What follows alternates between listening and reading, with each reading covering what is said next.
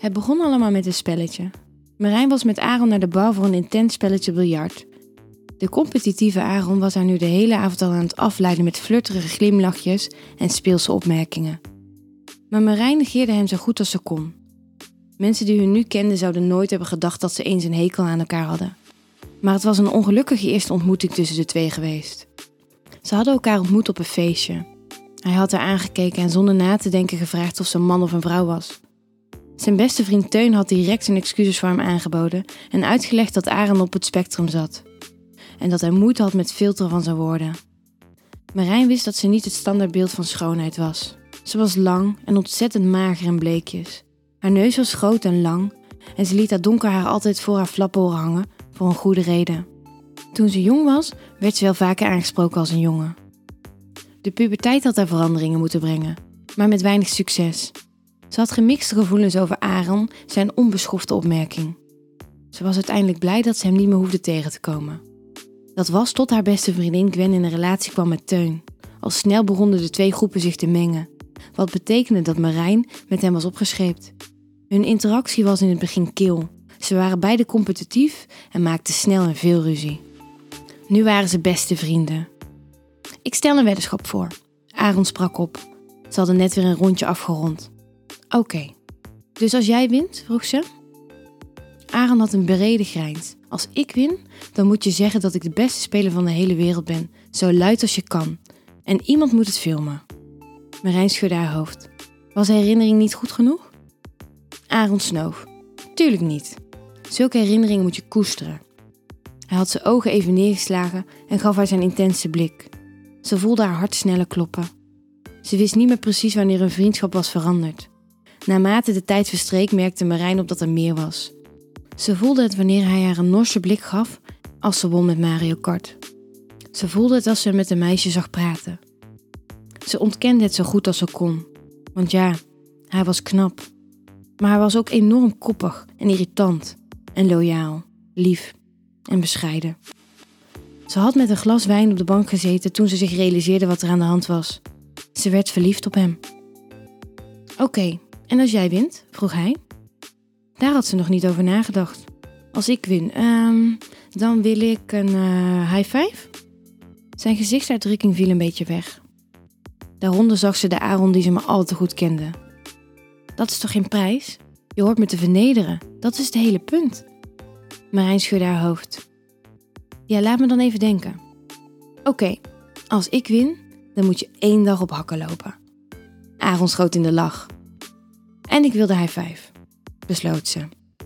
Aaron knikte. De hele dag, zei je? Ze knikte. Maar alleen als je buiten huis bent. Ze was niet harteloos. Deal? Hij schudde haar hand. Deal. Ik zie er vast fantastisch uit op hakken. Wat volgde was een intens spel waarin de twee elkaar met goede getimede grappen en rare gezichten probeerden af te leiden. Marijn wist dat er iets anders was tussen hen. Ze wou er niet te veel op inlezen, wetende dat haar gevoelens haar niet helder lieten denken. Maar toen hij zijn hand terloops op haar zij legde en zij daardoor een fout maakte, wist ze wat er aan de hand was. Jij valspeler? Haar beschuldiging leek hem niks te doen. Ze deden beide enorm hun best. Maar Marijn was uiteindelijk de duidelijke winnaar. Ha! Ze voelde zich vol met adrenaline. Haar competitieve kant kwam naar de voorgrond terwijl ze een klein overwinningsdansje deed. Oké, we zoeken hakken in je maat. Een deal is een deal. Aaron had eerst boos gekeken. Hij kon niet heel goed tegen zijn verlies. Maar zijn gezichtsuitdrukking was snel zachter geworden toen hij haar overwinningsdansje zag. Oh, en ik wil een high five. Ze stak haar hand in de lucht, tevreden met zichzelf dat de avond zo succesvol was verlopen. Aaron stak zijn hand ook uit, pakte die van haar vast en in een snelle beweging kuste haar. Zachtjes, met gesloten mond. Het was niks bijzonders eigenlijk, maar ze bevroor ter plekke. Haar gezicht was onmiddellijk zo rood als een biet, terwijl ze wachtte op een uitleg. Aaron leek kalm, maar hij wiegde zenuwachtig heen en weer. Dat was geen high five. Ze vond eindelijk haar stem terug. Aaron kromp een beetje ineen en zei toen: Jawel, lippen kunnen elkaar ook high fiven. Marijn vergat even dat ze in een openbare ruimte waren. Wil, uh, wil je nog een keer? Aaron's glimlach was terug. Ik denk dat ik wel klaar ben met spelletjes spelen. Hij had het overduidelijk niet over biljarten. Marijn knikte domweg. Oké, cool. Aarzelend pakte haar hand weer vast. Hij vijf? vroeg ze. Hij knikte en leunde dan naar voren en kuste haar opnieuw. Dit keer liet Marijn er geen gras over groeien. Ze pakte hem stevig bij de kraag en hij opende gewildig zijn mond voor haar. Als ze geen ruzie zaten te maken tijdens een spelavond, dan waren ze aan het high-fiven. En als ze niet samen waren, dan zat Marijn na te denken wat er nou precies aan de hand was. Ze waren legendarisch in slechte communicatie. En na twee weken wisten ze nog steeds niet of ze iets serieus hadden of niet. Het was gebruikelijk voor Aaron om op zaterdagavond langs te komen. Ze liet hem binnen in haar hok, want een appartement zou ze niet durven noemen. En al snel kwamen ze dan op de bank terecht. Tussen vragen zoals: Hoe was je dag? en zal ik Chinees bestellen door, zaten ze fanatiek te zoenen. Hij kuste haar tot ze geen lucht kreeg en haar handen konden nooit stil liggen. Ze woelde door zijn haar, trok ongeduldig met haar handen aan zijn shirt. Maar Aaron was niet iemand die van haasten hield. Strelend maakte hij zijn weg naar haar nek. En ondanks dat ze steeds strakker werd opgewonden, werden eigenlijk nooit veel kleren verwijderd. In feite, ze hadden helemaal geen seks. Het was enorm frustrerend. Het maakte niet uit hoeveel hint ze gaf. Hij leek de memo niet te krijgen. Als het laat werd, dan stond hij op, pakte zijn spullen en ging hij naar huis. Hij kuste haar tot ziens en met een halve erectie vertrok hij dan. En als ze daar naar bed ging, zat ze vol energie.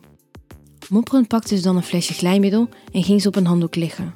Met haar vingers begon ze dan haar vulva te masseren. Ze had nooit gedacht dat ze geïrriteerd kon masturberen. Maar niks was minder waar. Haar hand schoot uit naar de dekens onder haar. Shit. Ze wist dat de muren dun waren, dus ze snoerde zichzelf snel de mond. Haar klit was gevoeliger dan normaal. Ze wist dat het Arons schuld was. Met zijn handen, zijn mond. Oh, wat zou hij met die tong kunnen doen?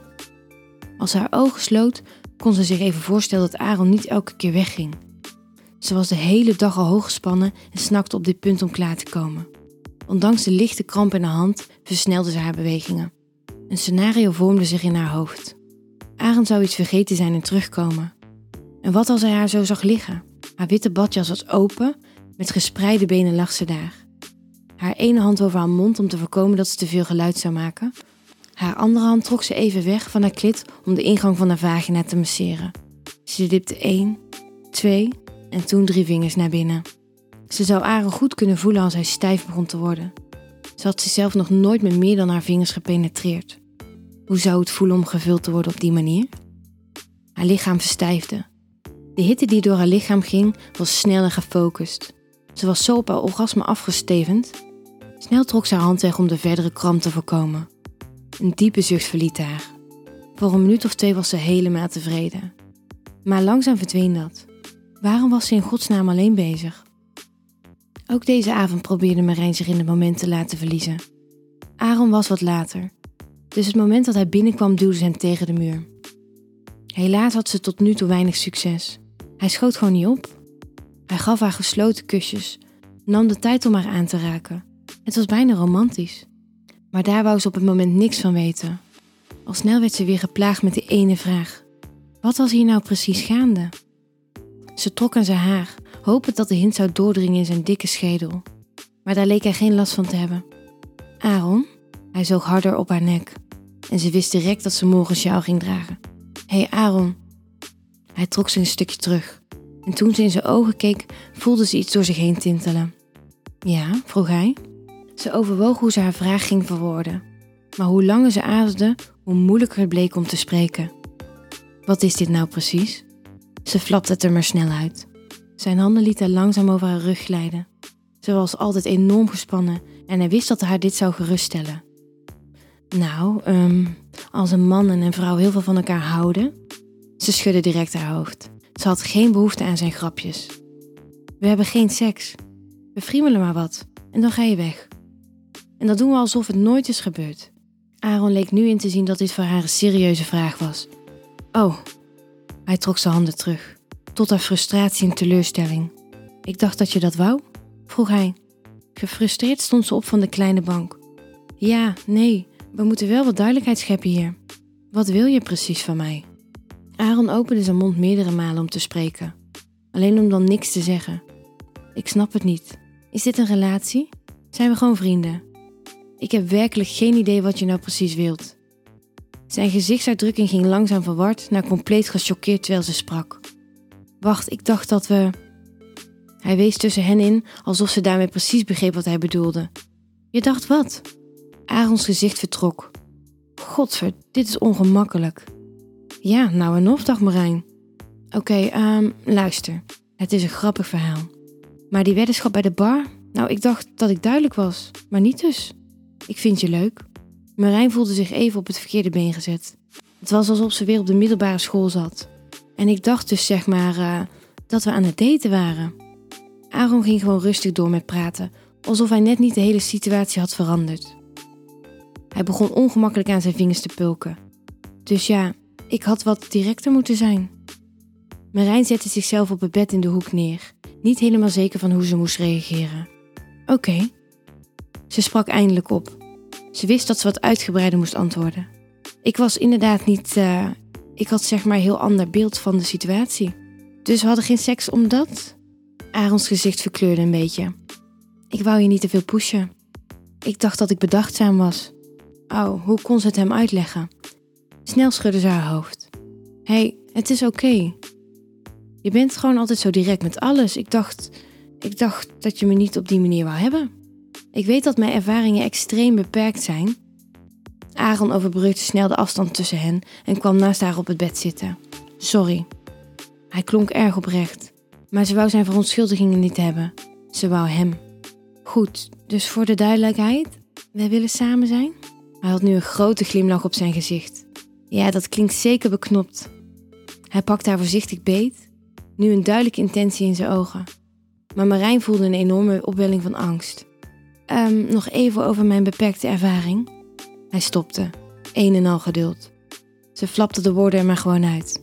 Ik ben zeg maar, technisch gezien, nog maagd. Wil jij nou meer spannende verhalen? Luister dan naar Charlie's Avonturen, een podcast van Easy Toys.